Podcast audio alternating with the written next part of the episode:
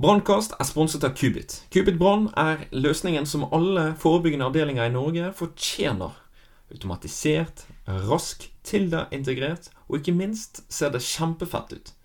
Sjekk kubit.no for mer informasjon og book en demo.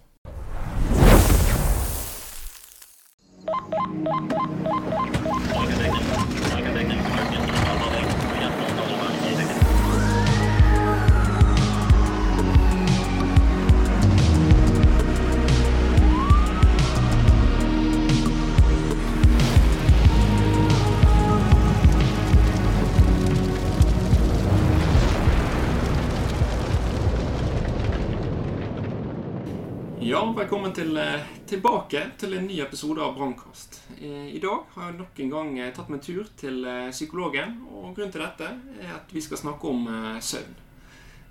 Og søvn er jo noe Eller å sove er noe jeg er veldig, veldig glad i. Og det er jo faktisk det beste jeg vet, egentlig. Men samtidig, så når jeg har vært på jobb, eller er på jobb, så kan det være vanskelig å sove. Så dette vil jo jeg finne ut av. Eh, Så da har jeg tatt meg turen til eh, Det psykologiske fakultetet for å snakke med noen som virkelig kan det her. da.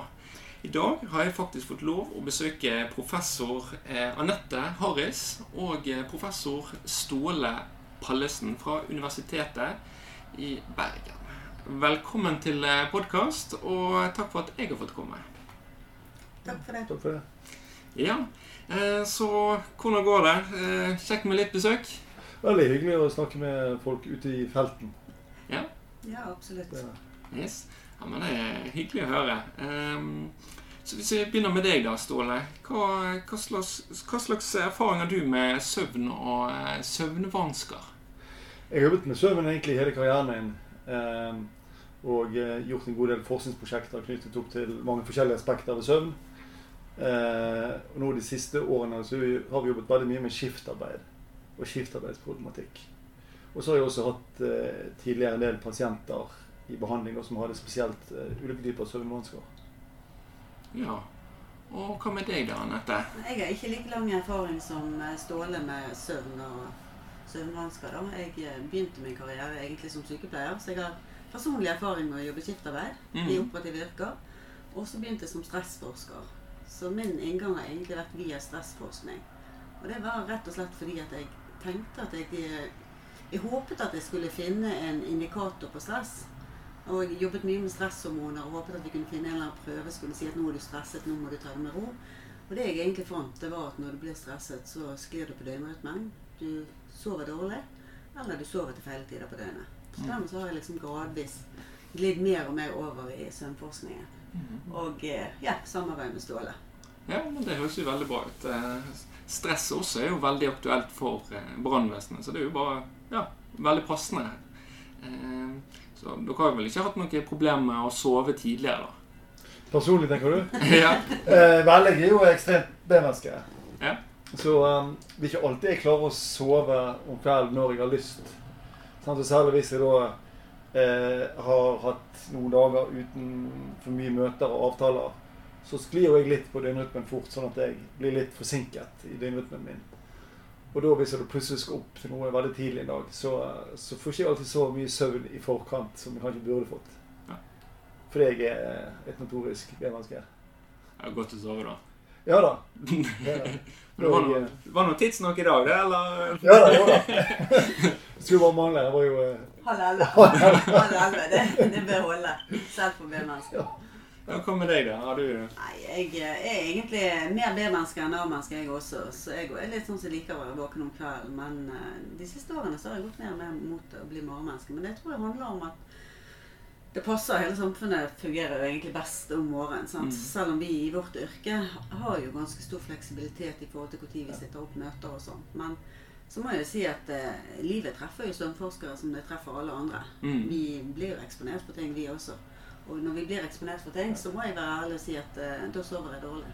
Mm. Det gjør jeg. Ja. Så jeg har kjempe. Ja, absolutt.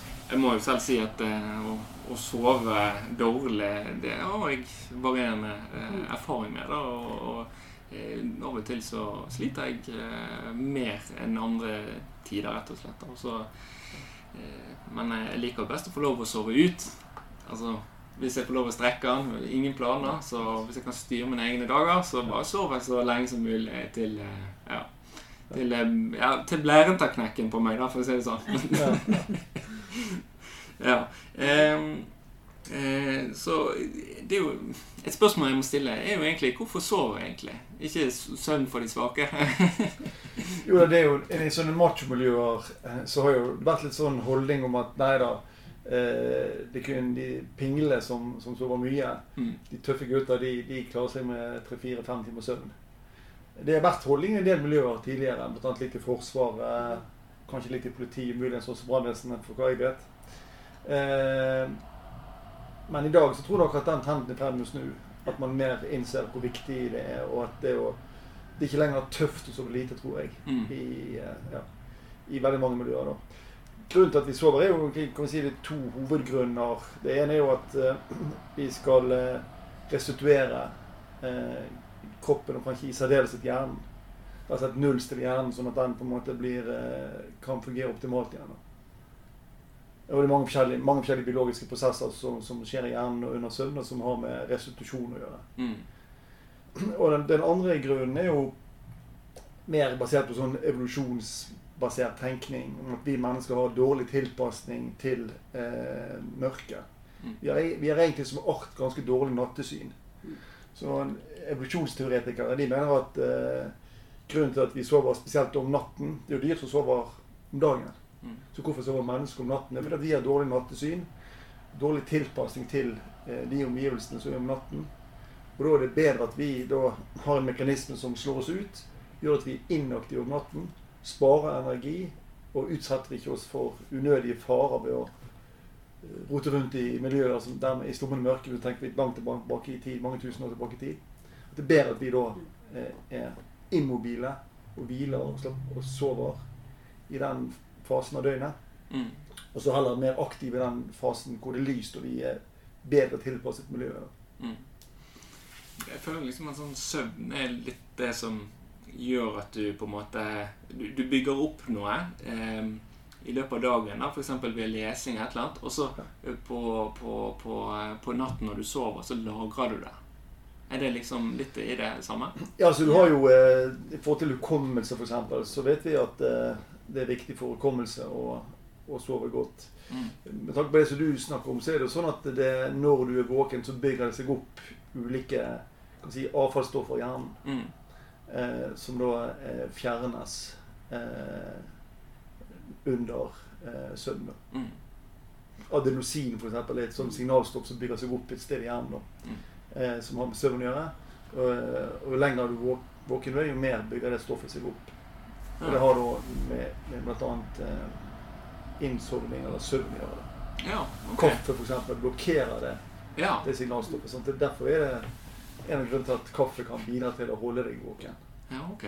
Ja, ja men det er jo veldig bra. Um, altså Litt av grunnen da, til at jeg har lyst til å lage denne episoden, det er jo fordi at eh, ja, jeg, som sagt tidligere i episoden, jeg kan jo kanskje ikke klare å uttrykke nok at jeg ikke klarer å sove, men eh, du var jo også inne på det. Jeg kaller det her for restitusjonen min. da, Men av og til så har jeg vært på vakt. da, eh, Eller har vært ferdig på vakt. Og så føles det som jeg har vært på fylle, rett og slett. Altså, Jeg er så sliten. Eh, jeg blir litt sånn groggy morgenen etter. Jeg, jeg, vet ikke helt hva jeg skal si, men eh, Jeg har liksom ikke det samme overskuddet, eller klarer liksom ikke å prestere på trening, eller eh, Ja. Så spørsmålet er jo egentlig hvorfor skjer dette her? Eh, jeg husker jo da jeg var ung, da, så, eh, så var det å snu døgnet, eller å på en måte våkne igjen eh, tidlig. Det var ingen problem. Men altså, hva er det som skjer med kroppen etter lite søvn? Eh, det er mange ting som skjer med kroppen etter lite søvn. Eh, først og fremst så vet vi jo at eh, rent sånn mentalt så fungerer man dårligere. Mm. Altså reaksjonstiden går opp, problemløsningsevnen går ned, og hukommelsen svekkes en god del. Så skjer det også ting med deg sånn emosjonelt. Altså du blir mer irritabel og mer sånn, kanskje tenker mer negativt og trist om ting. Og du er ikke motivert i samme grad til å gjøre ulike ting, ta initiativ sjøl. Det blir tyngre å gjøre når du, når du for har, eh, har et søvnunderskudd. Ja. du kaster deg ikke med, med liv og lyst ut i nye oppgaver når du liksom er søvndeprivert. Da har du helst bare lyst til å være i fred og slappe av og eventuelt sove hvis du har muligheten til det. Ja, så da er det Så det er viktig med nok søvn, altså. Ja da, så det viser jo alle studier eh, ja, langt langt tilbake i tid viser veldig entydig at søvndepresjon har en negativ innvirkning på hvordan vi fungerer som mennesker. Både mentalt, eh, som sagt, eh, humørmessig, eh, også motivasjons... Eller fysisk yteevne.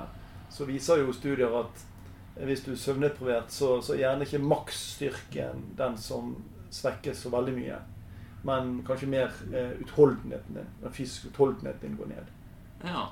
Ja, for det er jo litt spennende i forhold til, eh, i forhold til brannvesenet. For her skal vi jobbe lenge. Vi skal jo kanskje ikke måle maksstyrken, men Nei. eh, kondisjon, rett og slett. da. Ja. Så det kan jo være noe som er redusert. da. Ja, det studier har vist at uh, setter du folk på en tredemølle etter de har vært søvndeprivert, så løper de kortere Ja, uh, enn hvis du de uthvilte. det er spennende. Det er Ja, jo så er det jo mye forskning her som viser egentlig at eh, eh, det er kanskje ikke den dagen, dagen etter at du har sovet lite, men det, det henger igjen i flere dager.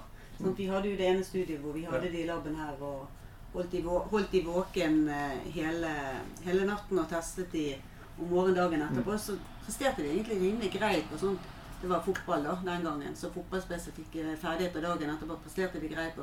Men treneren sa det at resten av uken var jo ødelagt. Så da ble det litt sånn som du beskriver, at du får denne hangoveren, så ingenting fungerer resten av uken. Og det er det egentlig veldig få studier som har sett på. altså Denne der langtidseffekten av å være søvndeprivert. For veldig ofte så fratar man noen søvn én natt, eller kanskje to netter, og så måler man effekter. Men det å se det, hva gjør egentlig redusert søvn over lengre tid med idrettsprestasjoner, det har man ikke sett noe på. Du har sett det opp mot kognitiv fungering, at eh, det å ha redusert søvn i flere dager på rad, det gjør noe med kognitiv fungering. Men egentlig har vi ikke sett det med idrettsprestasjoner. Nei, egentlig ikke noe særlig. Så, så det er noe vi, Ja. vi burde sett på. Absolutt. Og jeg vil jo si at brannvesenet kan jo til en viss grad være idrett, eh, Mm. altså i form av fysisk aktivitet. Ja, da. Så eh, det er jo absolutt relevant Mm. å, å ha liksom nok i forhold til det fysiske og det, det psykiske. Da. Ja. Og så kan du egentlig skille mellom kanskje litt som Anette er inne på, på det, de umiddelbare negative effektene av lite søvn, og de mer kroniske, langvarige effektene av lite søvn. Og så hvis du holder en person våken, som man har gjort i en del undersøkelser i en døgn, et døgn eller to, så måler du ulike atferder og hvor, hvordan de presterer. Så ser man jo en del negative effekter. Men det man også har sett eller gjort studier på de siste årene, det er hvilken effekt har det over flere år. For eksempel sove lite eller dårlig, eller jobbe skift over mange, mange år. Det viser jo studier at det henger sammen med en god del negative helseutfall. Mm. Men som hva da? Ja, eksempel har man vist at skiftarbeidere har større risiko for diabetes. Større risiko for å legge på seg. Altså skiftarbeidere legger fortere på seg enn dagarbeidere. Eh, større risiko for hjerte- og karlidelser. Eh, noen kreftformer, eh, f.eks. brystkreft hos kvinner. Eh, og noen Tarmkreft. tarmkreft og prostatakreft. Mm. Har man sett eh, at skift- og nattarbeidere har en høyere ja, hyppighet av sammenlignet med, med dagarbeidere. Å, ja. Hvorfor det blir, er sånn, det vet man ikke helt. Det kan være mange mekanismer som kan spille inn der. Eh, man vet at hvis du sover lite, så kan det forstyrre appetittregulerende hormoner, som gjør at appetitten går opp Mm. hvis du spiser, hvis du sover lite. Eh, eh, hvis du, eh, det er også døgnrytme i hvordan man eh, prosesserer næringsstoffer. Mm. Altså fordøyer næring. Og Det viser en del undersøkelser at du får en mer sånn negativ måte å fordøye mat på. Du, du får en større utskillelse av fettstoffer i blodet hvis du spiser om natten, f.eks. enn hvis du spiser om dagen. Så, så, så det er en døgnrytmer som påvirker hvordan du rett og slett eh, ja, behandler Ja. mat når du spiser det. Mm. Så, så det å det jobbe, jobbe natt uh, veldig mye da, over lang, lang tid kan da sannsynligvis ha en negativ innvirkning på metabolske prosesser. Mm. Fordøyelsesprosesser. Men, men vi må jo si at risikoen Ja. er jo generelt sett liten. Det er en økt risiko, men Mm. risikoen er jo generelt sett liten. Ja. Så de fleste Ja. som jobber skift, de klarer seg. Ja. Så det er litt viktig å påpeke. Og vi trenger 24-7 eh, samfunnskritiske oppgaver. Så, sånn. så, så vi trenger brannmenn og eh, 24-7, så du må ikke skape en sånn frykt. For det, Ja. det, det er utrolig viktig å For noe av det verste er kanskje frykten. Mm. At hvis man bekymrer seg for at man skal bli syk av jobben sin, Mm. så er det en større risiko for at man faktisk blir syk av jobben sin også. Ja, da begynner du å komme inn på sånn eh, Ja, så nocebo-effekt og kanskje? Er det riktig å Eller? Du kommer egentlig inn på ren stressteori, faktisk. Ja, okay. Det, er ikke, det er ikke verre enn som så. at Mm. Bekymring det fører til en økt aktivering oppi hjernen. Mm. Og en økt aktivering oppi hjernen det fører til økte betennelsesprosesser i kroppen, ryggmarg, blodårene dine. Og økt betennelse det er f.eks. en risiko for hjerteinfarkt. Mm. Så, så det kan være en sånn veldig sånn ren fysiologisk eh, forklaring på det, som egentlig starter i hjernen med at man bare bekymrer seg. Så derfor denne der bekymringen, eh, det er den man må unngå. Mm. Det er vel kanskje det man kan se litt sånn i operative yrker, og at ting som man har taklet veldig fint i veldig lang tid, det har gått, veld, det har gått veldig greit. Og på et eller annet tidspunkt så begynner alle disse, all den erfaringen man rett og slett har, kanskje begynner å nage litt på deg. Og du bekymrer deg litt mer, da går du utover søvnen. Da kommer du inn i den negative spiralen, og da, da kan du bli syk av jobbene. Hvis man blir bekymret over å være Eller for å bli bekymret, da. Hva Ja, det blir akkurat det, akkurat det samme. Så det er noe med det å bare, bare legge det vekk. Men, men samtidig så skal vi ta på alvor, for det forskningen viser at det er en økt risiko for en del sykdommer. Absolutt. Og det er også med en del spesielle vaktordninger så er det også en økt risiko for ulykker. Og det må vi selvfølgelig ta på alvor, og vi må gjøre noe med det. Så det er viktig å finne ut hvem er det som ikke takler det, og hvem er det som blir syk, og hva kan vi gjøre for å motvirke det. Men samtidig så må vi ikke bekymre oss for å bli syk. Mm. For det går ikke, for risikoen er i utgangspunktet liten. Og eh, ja, det jobbes, det jobbes jo mye for å sitte opp turnusordninger som er gode, og som er tilpasset den enkelte. Mm. Og det er egentlig kanskje det viktigste. Jeg Mm. tror at de som har det greit i jobben sin, og trives i jobben sin og med den vaktordningen de har, og ikke går rundt og er ekstremt trøtt på dagtid f.eks., de, de tror jeg har liten risiko for, Mm. for å bli syk. Men de som kjenner på at denne vaktbelastningen her er for stor for meg Stadig vekk så kjenner du på at du går med underskudd med søvn, får ikke nok hentet deg inn igjen, du er gjerne trøtt, uopplagt. Da begynner man kanskje å bli bekymret for å gjøre feil også. Mm. Da kan man komme inn og- i en litt sånn negativ spiral, og da bør man kanskje Mm. vurdere å jobbe dagtid. Mm. Hvis det er mulig. Ja, for brannvesenet, det er jo liksom Hvordan turnusarbeid de har, er jo litt sånn veldig variert. For de fleste er jo deltidspersonell. De er liksom De har en jobb utenom, og så må de plutselig rykke ut. Og det kan jo eh, være midt på natten, f.eks. Men ellers så de som eh, jobber som heltidskonstabler, de har jo 24 timer. Og så, eh, mens noen, svært få, de har 12 timers. Så enten 5 til 5 eller 8 til 8 eller hva det måtte være. Altså, jeg har ikke noe oversikt, så det kan være jeg sier noe feil. Men eh, så det er litt sånn forskjellig, da. Eh, Ja. Men hva er det liksom som er det mest gunstige her, eller eh, Jeg vet ikke hvor jeg skal gå. Det gunstige er ikke jobbe natt i det hele tatt, altså hvis det hadde vært mulig. Altså, sant? Altså, hvis ikke man eh, må jobbe natt, eh, Mm. så er det aller best å unngå det. For at vi mennesker er dagdyr. Mm. Sant? En motsetning f.eks. Ja, rotter, som er ja, biologisk programmert til å være våken om natten og sovne om, eh, om dagen. Eh, men klart, som, som vi har vært inne på, så er det noen yrker der du må ha, må ha folk på, på vakt. nær sagt. Du kan ikke la være. Og da er det jo om å gjøre å finne ordninger som er minst mulig belastende Mm. eh, i forhold til det å jobbe natt og skift. da. Vi vet jo litt om det. sant? Altså, det er jo sånn at eh, eh, du bør ha, Hvis du har jobbet en natt, så bør du gjerne få fri dagen etterpå. Eller hvis du jobber flere netter i strekk i en turnus, Mm. så anbefaler man gjerne såkalt fremoverrotering. Jeg vet ikke om det er aktuelt kanskje for brannvesenet, men hvis du jobber eksempel i helsevesenet, så anbefaler man at du starter med noen dagvakter, så går du over til eksempel kveldsvakter, og så har du nattevakter. Mm. Og så har du alltid to dager fri etter siste nattevakt. Det er en sånn anbefalt måte å rotere på. Så det kalles for fremoverrotering. Mm. Og så jobber fra dag, og så går du til kveldsvakter, og så går du til nattevakter. I den rekkefølgen der. Eh, I brannvesenet høres det ut som litt annerledes. Mm. Eh, sant? Så jeg tenker det viktigste er bare å sørge for at man eh, får nok søvn hvis det er mulig. Hva er nok søvn? Altså, Godt spørsmål. Eh, eh, National Sleep Foundation i USA de kom ut med en sånn anbefaling i forhold til søvnlengde Mm. eh, for et par år siden. Der de sier at eh, voksne, altså sånn folk fra 18 til 64 år, de bør ha 7-9 timer søvn hver dag for å Mm. fungere optimalt. Eh, nå skal det også sies at det er individuelle forskjeller. Så Mm. noen kan klare seg med mindre enn det, og noen må faktisk kanskje ha mer for å fungere optimalt. Men eh, det store flertallet vil nok stort sett trenge sånn en, et sted mellom 7-9 timer søvn per døgn for å fungere optimalt. Mm. Det er jo eh, Ja, men eh, det hørtes jo eh, fornuftig ut. Men jeg ser jo sånn eh, Alt fra dyr og til barn, de er jo oppe i sånn 10-12 timer i søvn. Altså, hvorfor trenger de mer søvn? Ja, Barn trenger søvn sannsynligvis fordi de er i en slags utviklingsfase hvor, hvor hjernen eh, hos, i hvert fall hos menneskebarn er veldig lite utviklet. Mm. Ganske uutviklet. Og da viser studier at da har de behov for mer søvn. Spesielt rem-søvn, som er en søvntype. Hva er rem-søvn? Ja, det er et spørsmål her. Men det er jo søvn inn i ulike stadier. da. Ja. Eh, stadie 1, 2, 3, 4, og så Såpass, rem-søvn. Så fem stadier, da. Eh, rem-søvn er jo kalt for rapid eye movement. Derfor rem. Mm. Det er det rem står for. da.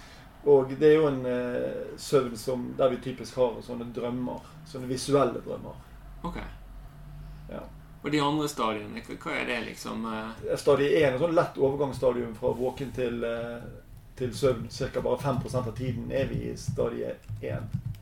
Så er det stadie 2, som er litt dypere søvnstadium. Ca. 50% av tiden vi sover, er vi der. Og så er det da den aller dypeste søvnen, stadie 3 og 4-søvn, som vi får eh, i løpet av de første to-tre timene når vi sover. Så har vi relativt mye stadie 3 og 4-søvn. Så den aller dypeste søvnen. Ja, ok.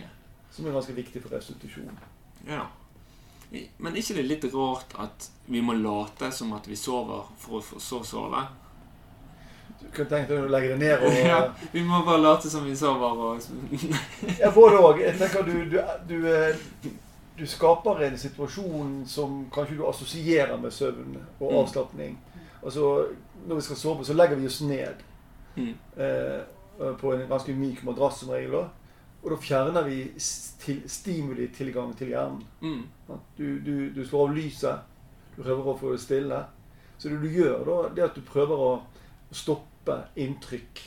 Eh, ja, sanseinntrykk til å nå hjernen. Og, og det bidrar til at du slapper mer av normalt. da. Eh, og så er det selvfølgelig noen som ikke klarer som jeg var inne på, å slå av den mentale støyen. altså sånn Bekymringer og tankekverning. Mm. Det kan for noen forstyrre søvnen. Så det er lett kanskje å kontrollere, i hvert fall for å komme litt an på hvor du bor, selvfølgelig, og, og soveomgivelsene dine. Og kontrollere det fysiske sovemiljøet. Men det er ikke alltid du klarer å kontrollere de mentale prosessene som kan forstyrre søvnen din. Mm. Og så er det tid på døgnet. sant? Altså Det er jo sånn at vi er som dyr eller arter innstilt på å sove på visse tider av døgnet. Så vi har en døgnrytme som gjør at på et eller annet tidspunkt om kvelden så begynner kroppstemperaturen å gå ned. Og da er det relativt lett å sovne. Mm. Og så ja, holder vi sovende, og så begynner kroppstemperaturen å stige om morgenen. Og da våkner vi som regel opp en stund etter at kroppstemperaturen har begynt å stige. Så innenfor det vinduet der så er det relativt lett å sove. Mens det å sove f.eks. på formiddagen er mye vanskeligere. For da, da tilsier døgnrytmen Da begynner kroppstemperaturen å gå opp, og stresshormoner, som Anette snakket om tidligere, de begynner å øke. Mm. Da er det vanskelig å sove. Og Det er derfor folk som har vært på nattevakt, typisk får en forkortet søvn på dagtid. Mm. Selv om de har vært våken ikke kjempelenge. Men, de, men eh, døgnrytmen tilsier at du, du, du vil ikke klare å sove så lenge på dagtid som du ville gjort om natten. Mm. Fordi at eh, du på en måte jobber litt mot din egen døgnrytme. Ja, det har jeg selv merket når jeg har jobbet eh, natt, at jeg, jeg sliter eh, med å få Altså, jeg, jeg får ikke syv-åtte timer hvis jeg har gått fra nattevakt til eh, Ja, gått nattevakt, rett og slett. Det er vanskelig. Ja, Det er nesten ingen som klarer å få. Det er akkurat for det Ståle sier. Det er døgnrytmen din Mm. som, som slår inn. For det er døgnrytmen din som avgjør hvor lenge du sover. Mange tenker gjerne at hvis du har vært våken i veldig, veldig lenge, gjerne vært våken i 24 timer, så skal du sove veldig lenge. Mm. Men det gjør du ikke hvis du legger deg på feil tidspunkt. Så når du legger deg om morgenen etter å ha vært våken veldig lenge, da har du gjerne bygget opp et homostatisk søvntrykk. Så du har et høyt søvntrykk som gjør at du vil falle dypt i søvn, så du vil få mye av den dype søvnen. Men søvnen vil bli kortere, for aktiveringskurven din er på vei oppover. Og på et eller annet tidspunkt, gjerne i tolv-ett-tiden, så er den så høy at du vil våkne uansett hvor lite du har sovet. Og Det er jo derfor vi tenker at det er sånn viktig kunnskap for de som har jobbet nattevakt. Det å komme seg i seng så tidlig som mulig etter nattevakten. Mm. Ikke bruk tid på å spise og dille og få barna av gårde på skole eller barnehage, eller noe sånt, for du tenker jeg kan jo sove hele dagen. Det kan du faktisk ikke. Og Rett i seng, altså. Det er faktisk, ja, Jo kjappere du kan komme deg i seng, jo lengre vil du sannsynligvis sove. Men du vil gjerne, uansett hvor tid du kommer i seng, så får du mye av den dype søvnen. Så det gjør at når du våkner, så kan du føle deg relativt opplagt. For det er den dype søvnen som gjør at du føler deg opplagt. Mm. Men du får lite av det som Ståle sier, den rem-søvnen. Og det er jo gjerne den rem-søvnen vi tenker er viktig for både emosjoner, altså humøret ditt, men også for det som jeg tenker er viktig i deres yrke i forhold til beslutninger. Mm. Det er jo hvordan du hva, Altså de mentale prosessene. Hvordan, hva, hvilke avgjørelser du tar. Hvordan du skiller eh, mindre relevant fra relevant informasjon, f.eks. Mm. Som jeg tenker er, er viktig i alle samfunnskritiske yrker. Mm. Så, Mm. så det er viktig å få lang, lang nok tid med søvn. Fordi at, som Ståle nevnte med disse søvnfasene, de går sånne sykluser gjennom natten. Ca. 90 minutter i hver syklus. Og de første syklusene så får du mye av den dype søvnen. Mens i de siste syklusene så får du mye av rem-søvn. Så sover du ikke lenge nok, så får du ikke nok av, eh, av den søvnen. Mm. Som, jeg, som jeg tenker er viktig for, for de yrkene. Mm. Ja. Ja, For det er litt interessant, for jeg har jo eh, Hver gang jeg har vært på nattevakt, så står jeg opp er det, er klokken ett. Jeg merker det treffer meg skikkelig godt når dere sier for det her er liksom helt vanlig. Trenger ikke, trenger ikke vekkerklokke eller noe. Det er klokken ett, eller et sted mellom tolv og ett. Og da er liksom kroppen min klar for å våkne, selv om jeg er skikkelig, skikkelig groggy. da. Mm. Så, Grunnen til det er du har sannsynligvis da et, et søvnunderskudd, men døgnrytmen din mm, Fremdeles har du et søvnunderskudd, mens døgnrytmen din eh, tilsier så sterkt at nå skal du være våken. Nå er det midt på dagen. mm, Og da eh, tvinges du ut av søvnen selv om du egentlig har et søvnunderskudd. Men eh. Jeg har jo merket på, på, på kollegaer at eh, eh, når de har hatt denne nattevakten, så bestemmer de seg for at ja, jeg tar gjerne to timer eh, på puten på jobb, altså lukker øynene litt, da. Eh, men og så, og så går de resten av dagen, eh, så sover ikke de, så bare fortsetter de som at de er på underskudd. Altså, det er jo ikke sunt, eller? Eller går det? Nei, altså det, det er jo ikke sunt eh, når det gjelder prestasjon. Så vil nok prestasjonen bli dårligere. Mm, Det kommer litt an på slags oppgaver du skal gjøre. Hvis det er oppgaver der du kan bestemme tempoet, mm, eh, sånne rutineoppgaver som du er godt trent med, f.eks., og der du bestemmer tempoet når ting skal skje, så behøver ikke det ha så store negative innvirkning på prestasjon. mm, Men hvis det er sånn at du må reagere på ytre ting som skjer fort, da vil du typisk ha en eh, redusert evne til å fungere når du har et søvnunderskudd mm. i kroppen. Eh, Så det kommer litt an på type oppgaver da. Ja. Men klart en utrykning er også en typisk oppgave der du sjøl ikke kan bestemme når ting skal skje. sant? Så da vil du i en sånn kritisk situasjon eh, kanskje kunne slite litt mer med reaksjonstid eh, enn du ville eh, eh, ellers, da, hvis du var uthvilt. Ja. ja, for jeg har jo Midt på natten så har jo det, det her med reaksjonstid Jeg kjenner meg veldig godt igjen. For jeg har jo plutselig måttet sitte meg bak, gått fra dyp søvn, og så satt meg bak rattet på, på et minutt. Sant? Det er jo litt av en overgang. Og så er det kanskje klokken tre på, det, på natten, og du sitter der og skal kjøre en bil med flere tonn, og du skal kjøre over fartsgrensen og Ja. Altså Jeg tror det er flere ting som kan virke inn der. Det ene er det vi kaller for søvndrukkenhet. Eller på engelsk kalles det for sleep inertia. Og det vil si at Hvis du våkner fra dyp søvn, Mm. hvis du er i dyp søvn, så går alarmen Da viser en del undersøkelser da, da, da, da blir det er man groggy når man våkner. mm, Det samme som hvis du går hjem og sover middag og våkner etter en time. Da er det sannsynligvis eh, Du våkner sannsynligvis fra dyp søvn. mm, Du, du går inn i dyp søvn etter ca. Sånn 20 minutter. normalt da. Og Våkner du fra den type søvn, så er du groggy og omtåket og tar tid for å komme ut av denne tilstanden. Det er det ene som gjør at du sannsynligvis vil i ditt tilfelle fungere dårligere når du kjører bil Mm. enn ellers. Det andre er jo at tidspunktet på døgnet generelt. Altså Om natten, så, som vi snakket om litt i sted, så er kroppstemperaturen lav, du er innstilt som biologisk på å sove.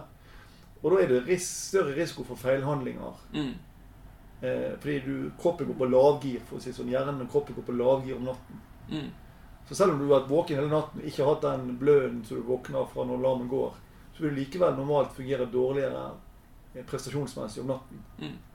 Det ser man også på idrettsutøvere. Sånn som Man tester på, man har gjort sånne undersøkelser på idrettsutøvere gjennom en hel, helt døgn. Sånn. Mm. Så at om natten så fungerer de dårlig.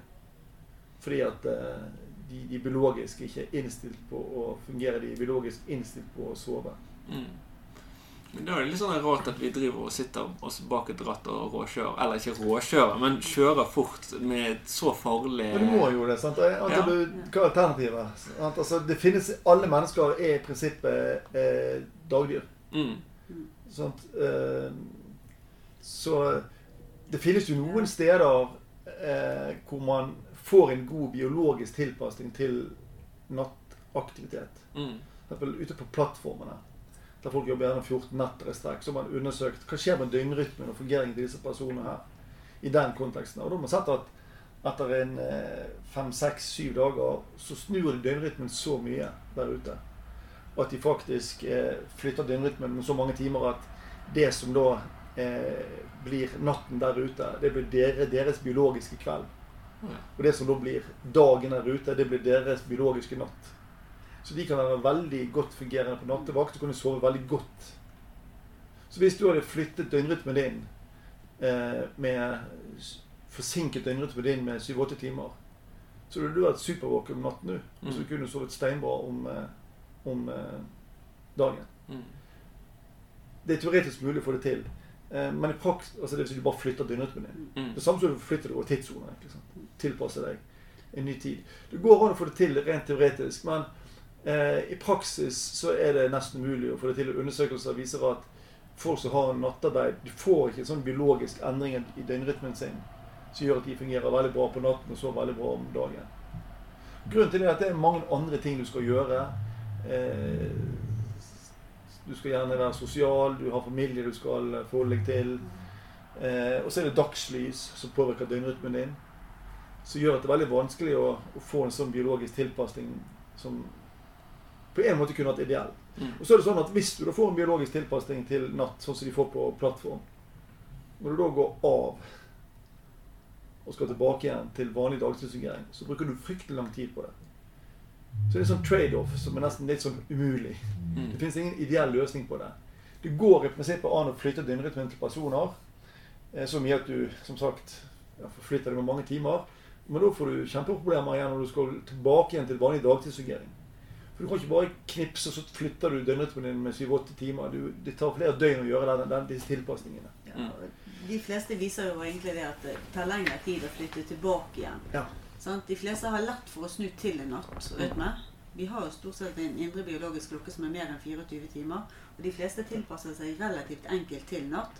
Men det å snu tilbake igjen fra natt til dagarbeid, det er mye vanskeligere. Det bruker de fleste lengre tid på. Ja. Og en sånn biologisk tilpasning Ikke noe poeng å prøve å få til hvis du bare skulle jobbe tre-fire netter i strekk. Mm.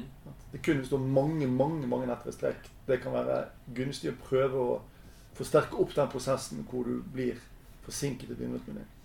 Men, I og med at du er inne på det, altså, er det noe som jeg kan gjøre da, for når du ser at ja, nå skal jeg på nattevakt veldig snart? Altså, Er det liksom en god eh, tips å på en måte begynne å bygge opp at du skal legge deg seint, eller? Ja, altså Hvis du vil det, altså hvis Ja. du vil det, så er det jo kjempeenkelt å få det til. Ja, Men er det liksom noe som kan prestasjonsmessig være en positiv ting? Ja, det vil det være, for da vil du være mer biologisk innstilt på å være våken om natten Mm. og sove bedre om dagen, men med pris. Altså, det, det, det er ikke vits å gjøre det der, og det sier vi mange ganger. Eh, hvis du bare skal tre netter på rad, f.eks., så er det ikke vits å gjøre det. For det, det, det tar så lang tid å flytte på døgnrytmen din, eh, sånn at du blir tilpasset natt. Så skal du bare jobbe tre netter på rad, så er du ferdig med det, og så skal du tilpasse deg tilbake igjen Mm. som er veldig vanskelig å få til. Så det å flytte på døgnrytmen din frem og tilbake sånn som hele tiden, sånn som det der, vi nå snakker om, det anbefaler man kun hvis det er snakk om veldig mange netter på rad. Ja. Da kan du, da kan du kanskje profitere på det. Sånn, sånn som i Nordsjøen. Så kan du ha 14 netter i strekk. Så kan det være kanskje gunstig å prøve å, å Du kan bruke lysterapi og melatonintabletter for å flytte på døgnrytmen din.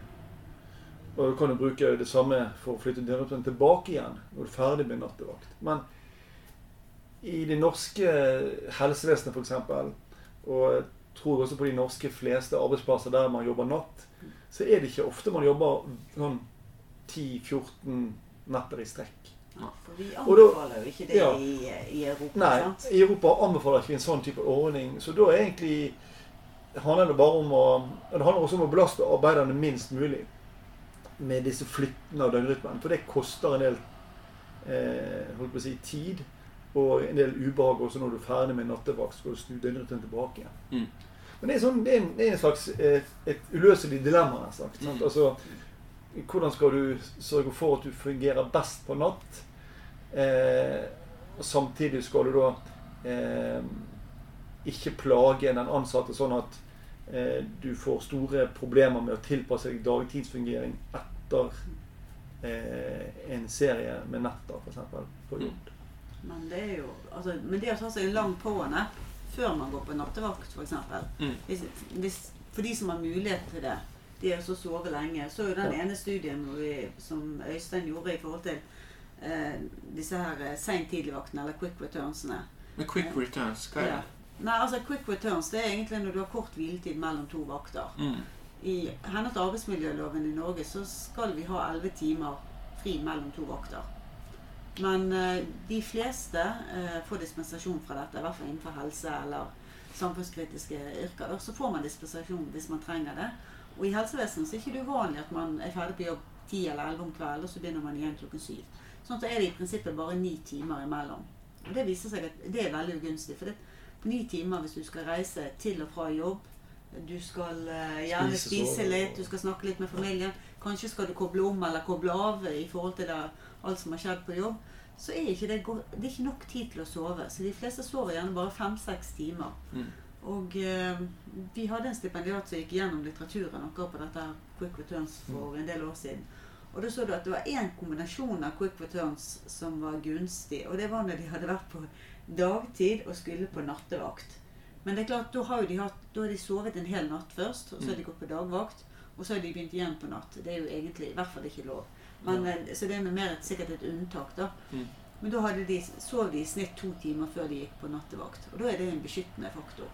Da rapporterte de bedre helse og mindre feil, gjorde mindre feil. Så har man muligheten til å få en lang på'n-app om ettermiddagen, eh, så tror jeg det kan være gunstig. For da vil jo du også være mer våken utover, i hvert fall første del av natten. Mm. Selv om Ja. ja, fra fire utover blir det tøft Ja. uansett. Men så anbefaler man også, hvis det er mulig, å ta seg en blund på nattevakt. Mm. En blund relativt tidlig på nattevakten. eh, det er en del diskutert eh. Om man bør legge til rette for det. Noen steder gjør man jo det. Mm. Men det å sove kanskje en eh, 20 minutter eh, relativt tidlig på nattevakten, det kan fungere, øke fungeringen gjennom hele nattevakten, resten av nattevakten. Vi anbefaler som regel at ikke at du sover så mye lenger enn 20 minutter på nattevakt. Eh, fordi at da går du ned i dyp søvn. Ja, og det er ikke så bra, fordi da Nei, da hvis du våkner opp for dyp søvn, så er du omtåket og groggy. Nå er det mulig at det er litt annerledes hvis du jobber 24 timer i strekk som du gjør på, på, på en brannstasjon. mm. Eh, og ikke bare liksom skal jobbe på en, en natt på, på et sykehus. Sant? Mm. Da, da vil jeg anbefale at man prøver å få så mye søvn om natten som mulig hvis man skal jobbe 24 timer Mm. på, på en brannstasjon. Hvor du får muligheten til å sove der så lenge du vil om natten. Så vil du bare prøve da, å holde en jevn døgnrytme og få så mye søvn som, som mulig. da. Ja, for Vi har jo de der 110-operatørene og noen, noen brannstasjoner som har eh, halv, eh, altså tolvtimersvakter. Og da er jo Ja. for eksempel du skal på jobb klokken eh, klokken syv da, til klokken syv. Ja. Eh, Så vil dere på en måte anbefale at de kan dyppe en time for, eksempel, for å holde det gående, eller altså Ikke en time. Nei, ikke en time, 20 20 minutter. Ja. Ja, ja sånn eh, rundt sånn klokken, eh, rundt sånn klokken 11-12 et sted ish. Eh, Ja. Sove en 20 minutter hvis de får muligheten for det. ja. Men alle kan jo ikke sove samtidig. Nei, det, det kan ikke de sove. Men har du et, visst vindu sant, for, altså, A-menneskene kan, kan sove først. De sovner jo da lettere tidligere på kvelden enn B-menneskene. Mm. Så man, hvis, man, hvis man har muligheten til det, så tror jeg at det kan være nyttig for, eh, for det å være opplagt utover eh, natten. Ja. Ja. Så det kan liksom det være positivt for prestasjon. Da. Ja, det definitivt. Det har man vist i en del undersøkelser. Andre ting som vi anbefaler, er jo dette med det, Man får ofte spørsmål om dette med kaffe. Eh, bør jeg drikke kaffe på nattevakt? Når bør jeg drikke for å holde deg våken? Hvis, Mm. hvis du må være våken. da. så anbefaler vi normalt eh, 2-4 milligram per kilo kroppsvekt koffein tidlig på natten. Det betyr, sånn oversatt til vanlig sånn kaffe, sånn ca. en halv liter traktekaffe. Eh, en relativt, altså jeg tar det, eh, sånn, tar det relativt fort, relativt tidlig på nattevakten. Mm. Ikke smådikk utover hele natten. For eh, da får du ganske mye koffein i blodet ditt når du skal komme, gå hjem og sove etter en sånn vakt. Mm. Så en relativt stor dose med kaffe relativt tidlig på nattevakten. Det kan være gunstig. Det er mer gunstig enn sånn smådrikking, Ja. viser da undersøkelser. Men hva med Altså for eksempel eh, Sånn hvis jeg skal på en måte overføre noe da fra alkohol og drikking, da, Ja. eh, så har jo du sånn at hvis du drikker Du blir fortere full på rusbrus eller champagne sant, enn vanlig vin. Eh, eh, altså, kan det være bedre å drikke eh, energidrikk med eh, bobler i? Sånn at du Eller har det noe Nei, det har jeg aldri hørt. Nei, for jeg tenker, tenker pluss at- sant? Og så Det går jo kanskje et større opptak i forhold til kaffen. Jeg vet ikke. Nei, det, det har jeg aldri hørt om. Eh, Eller nei. Og så er det sånn eh, av og til overdrevet disse her, eh, disse her energidrikkene. Eh, ofte så vil nok eh, faktisk ren, vanlig traktekaffe inneholde mer koffein enn en del av disse energidrikkene. Og? Ja, en del av de. Ja, tenker du Red Bull, eller tenker du Ja, sånn Red Bull. Nocco, eller Ja, en del av de Red Bull, 200? Red, Red, Altså jeg mener jeg sjekket det en gang og fant ut at det er vel så mye koffein i kaffe. altså. Ja. Kaffe, Og det er litt billigere også da enn å hive i seg eh, Ja. Jeg vet ikke om jeg husker dette. Jeg tror det er rundt sånn 50-70 milligram eh, i Red Bull. Kan det stemme? Jeg vet ikke. Noe- Ja, det høres jo Høres altså, ut som en vanlig kaffekopp? I en eh, halv liter traktekaffe så skal du da få ca. 400 Ja, kanskje 300 milligram Såpass, ja. eh, koffein. da. Oh. Ja. Det er en god dose. Det er en god dose, ja. Ja. Ja. Og det her med koffein Du var jo inne på det her med adenosin. eh, eh, Ja. Er det sånn at denne koffein, eh, hvis jeg husker riktig, den blokkerer disse reseptorene? ja for adenosin. Ja, Men de gir ikke deg eh, mer energi. Det er bare sånn at du Jo da, det stimulerer jo det kardiovaskulære systemet òg, sånn, så du får Ja. jo hjertepumpen i gang, og litt blodtrykket går litt opp òg. Ja, okay. Så, så det stimulerer deg også um, både holdt på å si, eh, fysisk, kroppslig. Og, sånn. Det er derfor langrennsutøverne hiver innpå cola med pulverkaffe i siste, siste del av 50 km på langrenn. Sånn hjemmelaget eh, pre-workout. Ja, der, eh, Men så er det også faktisk forskning som viser at koffein, altså ditt aktiveringsnivå, i utgangspunktet har betydning for hvordan koffeinet virker på kroppen din. mm. Så det vil si at hvis du sitter i et rolig kaffeselskap, og du er avslappet og spiser kake og har det hyggelig med venner, så får du en viss effekt av koffeinet. Men hvis du er i en belastende arbeidssituasjon, du har kanskje hatt eh, du har vært på en utrykning, du har fått eh, et høyt aktiveringsnivå, så vil du, kan du få opptil 10-20 ganger så kraftig effekt av koffeinet. Oh, ja, såpass. Så det, og det er det gjort i blindete studier med bl.a. studenter og medisinstudenter. Du ser på hva effekt de har av koffein til daglig. Så går de inn i en periode med hjemmeeksamen hvor aktiveringsnivået øker. Og da ser du at de som får koffeintabletter kontra de som får placebopiller, Mm. de får opptil 10-20 ganger så kraftig effekt av koffeinet. Så koffeinet er, det er litt sånn Du trenger ikke mye koffein hvis du allerede er høyt gira. Da kan du Du kan bikke over i angst, altså, Ja. altså for mye koffein. Du kan få skjelving og, og sånn angstlignende symptomer. Såpass, ja. Så, så det er noe med å finne den rette, som Anette sier, ja. mengden.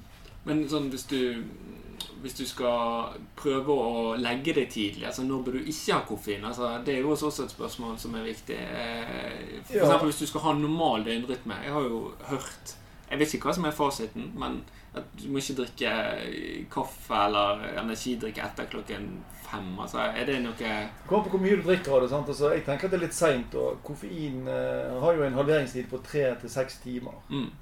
Så hvis du får en dose i deg eh, klokken eh, fem om ettermiddagen, så er den halvert kanskje ikke før klokken elleve om kvelden. Ja, ok.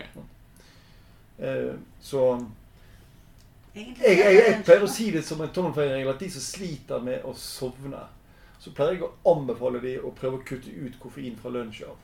Ja. Fordi at det kan ha en ganske lang Og så er det sånn altså Norge er jo et av de landene kanskje, Jeg tror det er nummer to i verden på kaffedrikking. Såpass. Jeg tror det er kun Finland som er, drikker mer kaffe enn i Norge. Så det er jo mange steder hvor man eh, hver gang det er et møte, sant, så kommer kaffekoppen på bordet, og man drikker og drikker kaffe hele dagen. og selv om man da stopper klokken fem, så er det nok noen som har for høye nivåer av koffein Mm. i blodet i forhold til hva som jeg tror er gunstig med tanke på nattesøvn. Mm. Men det er jo litt sånn her eh, Nå er ikke jeg sykepleier, dette kan jo sikkert du svare litt bedre på, men det er jo den der eh, dose Nei, eh, åh, hva er det heter? Altså, du får eh, et stoff, og så eh, effekten, den går liksom eh, eh, oppover, og så når, når du har fått mer og mer, så går effekten nedover, og det blir en bivirkning. Ja, virkning, bivirkning Jeg husker ikke, jeg har ikke lenge siden hatt disse her Toleranse du tenker på? Toleranseutvikling? ja, ja, altså det er jo noe inne på det. da at du, altså, Hvis du tar ett stoff, sant, så, så Dosen, den er på en måte åh, Hvordan skal jeg si det? Doseresponseffekt. Doseresponseffekt. Dose-responseffekt. Ja, i forhold til koffein. Ja. At du tenker at du får en tilvenning, eller at du får, du får en økt Altså at du får bivirkninger istedenfor virkning. virkning. Altså, da hiver du inn på nok, så dør du til slutt, selvfølgelig. sant? Ja. Uh, Jeg vet ikke. worst case, da skal du, da skal du eh, Da var sykt mye tabletter. Jeg tenker liksom sånn i forhold til hvor, eh, hvor mye kan vi faktisk drikke i løpet av en dag for at det blir farlig? Da er vel egentlig mer spørsmål jeg har lyst til Ja. Ja. tenker det er vel gjerne litt mer det som Ståle er inne på i forhold til halveringstiden på koffein. Mm. sant? Hvis du stadig går og får påfyll hele tiden, sant? og du har en halveringstid som er ganske lang, Mm. så hjelper ikke det om, om, om du drikker lite hver gang hvis du drikker litt hele dagen. For da fyller du på hele tiden. sant? Ja, ok. Så det, det er vel litt mer det jeg tenker det kan være fornuftig å tenke på. Litt derfor, spesielt i forhold til nattevakter. Mm. At man bør innta den kaffen tidlig på natten. Eh, For da vil du ha effekt ut av det hele tiden. Mm. Egentlig så trenger vi faktisk ikke koffein når vi våkner om morgenen. Strengt tatt. Ja. Det bare det gjerne deg. Ja, det er da de fleste drikker det, men altså, da får jo du egentlig en boost av eh, aktiveringssystemet ditt. Altså stresshormonet kortisol. De piker jo første timen etter at du er våknet. Mm. Så egentlig trenger du det ikke før etter 45-60 minutter. Det er da egentlig kaffekoppen mm. trengs. Ja. Så jeg tror det handler litt om vane òg, egentlig. Det at man drikker mye kaffe om morgenen. Og så du sier det er kos. Det er litt sånn sosialt. og litt sånn koselig å sitte og sippe på noe godt. Um, så, så, så er det jo også det her med eh, I og med at vi har vært inne her på her med kaffe, så er det det her med melatonin. Ja. Kan dere forklare det? Jeg tror det trengs en liten forklaring her. For ikke Ja. dette her eh, ja. Melatonin er jo et, eh, et hormon som du produserer i hjernen Mm. når det er mørkt. Kalles gjerne for nattens eller mørkets hormon. Det har en sånn søvnregulerende eh, og søvnfremmende effekt. Men du kan også få kjøpt det som tabletter på apotek. Nå Mm. ble det reseptfritt. Jeg tror det var fra 1.1.2020. Mm. Så kan du få kjøpe det uten resept.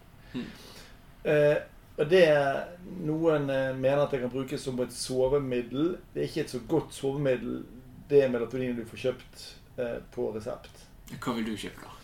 Hvis jeg skulle brukt som sovemiddel, eh, så ville jeg kjøpt godt gått til lege og fått det på resept. For det finnes noen sånne såkalte depotpreparater de laget av det, sånn at du får sakte utskillelse ut av det. Ja, ok. Eh, og da har en halveringstid på 3,5 til 4 timer.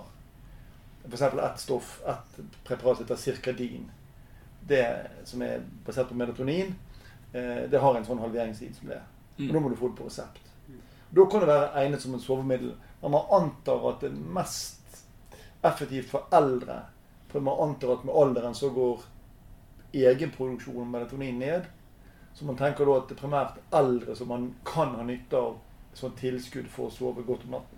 Men ikke litt sånn at ja. Men, men den andre formen for melatonin, den du får kjøpt reseptfritt, Mm. den er kanskje mer egnet for å flytte på døgnrytmen. Mm. Hvis du vil flytte på døgnrytmen din. Og da er det sånn at hvis du vil bli mer A-menneske, så bør du ta en sånn melatonintablett ca. fire timer før du vanligvis sovner. Mm. Da vil døgnrytmen flytte seg sånn at du blir mer A-menneske. Så neste døgn kan du ta tabletten en halvtime tidligere enn det igjen. Og så kan du fortsette sånn helt til du kommer i riktig rytme. Motsatt, hvis du vil bli mer B-menneske, så kan du ta den melatonintabletten omtrent når du våkner. Mm. Men da skal du være litt obs på at det kan ha sånn litt sånn lett søvndyssende effekt. Eh, så det å ta den om morgenen og så gå ut og kjøre bil og sånn, det tror ikke jeg ville anbefalt. Men i prinsippet er det sånn det virker. da. Ja, for ikke det her sånn at du må jeg har, jeg har alltid fått beskjed om at du kan ikke sitte inne og spille hele dagen. sant? Du må komme deg ut og få litt sånn sollys. Ikke det er noen sammenheng her i forhold til uh, melatonin? eh? Jo, døgnrytmen din. Fordi at um, Som Anette sa i sted, så er den indre døgnrytmen vår litt lengre enn 24 timer. Mm. Så hvis jeg hadde sperret deg inne i en kjeller eller bunkers uten eh, noe info om tid og lys, så hadde du faktisk fått et døgn som er 25 timer langt. Såpass. Yes. Men grunnen til at du da, eh, som de aller fleste mennesker, klarer å holde seg til en 24 timers rytme, er at den indre døgnrytmen din den blir justert hver eneste dag. Og du stiller den klokke du stiller hver eneste dag. Eh, og den faktoren som bidrar mest til å stille den indre klokken, det er dagslys. Ja. Og da er det gunstig med dagslys eh, om eh, formiddagen. Eh, fordi at eh, da virker eh, dagslyset sånn at det gjør det litt mer A-menneske. Mm. Mens dagslys du får inn på øynene om kvelden, det virker motsatt. Gjør det litt mer B-menneske. Mm. Men du vil vel helst anbefale sollys å komme ut og være istedenfor å poppe, poppe piller, for å si det sånn? Ja da, så, ja da, klart det. Definitivt. Definitivt. Det er den naturlige måten å regulere på. Ja, vi, vi, vi tok han kanskje litt i feil rekkefølge. sånn sett. Vi Kanskje vi skulle begynt å snakke om hva du kan gjøre for å, å eh, istedenfor å begynne med piller først. Ja, men jeg jeg Du får klippe det til. Nei da, men eh, Ja, altså hva er det liksom skal til for eh, Men du var jo også inne på det her med lysbehandling og, og, og eh, altså, Er det noe annet som du kan gjøre at du faktisk får sovet? Altså, jeg har hatt hatt lysbehandling, og jeg har jo sett folk gå med sånne oransje briller. Er det en greie, Ja, det er en greie. Eh, altså, som sagt, døgnrytmen er jo litt lenger enn 24 timer. Den indre rytmen. Mm. Så den må justeres hver dag. Og da er det dagslys som er den viktigste faktoren som gjør at du holder døgnrytmen til en 24 timers rytme. Og så er det da dagslys-eksponering om formiddagen er viktig for å holde din døgnrytmen på plass, sånn at ikke du glir ut og blir mer og mer ekstremt B-menneske. Mm. Eh, og da er det også viktig å unngå lys om kvelden. Fordi at lys om kvelden det gjør deg mer B-menneske. Forsinker døgnrytmen din mer og mer og mer. Mm. Og eh, du snakket om sånne oransje briller. Og sånne oransje briller det blokkerer den delen av lyset som har en sånn innvirkning på dynrytmen. Mm. Og det er da særlig da det blå, grønne delen av det synlige spekteret. Ja, for det er litt sånn likt eh, eh, Altså, ikke Kine, men eh, Ja, midt på dagen, så er det, ja, midt på dagen så, er det, så er det ganske mye blått lys i, i dagslys. mm. Eh, og om formiddagen så er det bra, Mm. stort sett for de fleste. Fordi at vi har en tendens til å bli mer benmennesker sånn biologisk. Vi har, en, vi har programmert egentlig til å bli til å være det, men så blir vi da justert eh, tilbake igjen med, eh, av, av dagslys. Eh, men eh, noen som da har tendens til å bli til å være veldig mye B-mennesker, de kan jo kanskje med fordel forsøke å unngå for mye lyseksponering om kvelden. Mm. Altså Nå er ikke det alltid et problem, men om sommeren i Norge sant, hvor det er lyst til langt på natt, så kan det være et problem. Mm. Og sitter du foran store skjermer som gir mye sånn LED-lys, Mm. Så vet vi at det lyset inneholder spesielt mye blått, grønt lys. Mm. Som har en biologisk ganske sterk effekt på døgnrytmereguleringssystemet. Ja, eller iPad og telefoner som er sånn Ja. close på, som en del unge har i hvert fall. Ja. Er det liksom sånn å sjekke telefonen rett før du legger deg? Det er ikke så Ikke så gunstig. Nei, da Vi ikke anbefale generelt at soverommet skal være fritt for sånne elektroniske duppeditter, og at du ikke bruker elektroniske medier de siste, siste timen før du går til sengs. mm.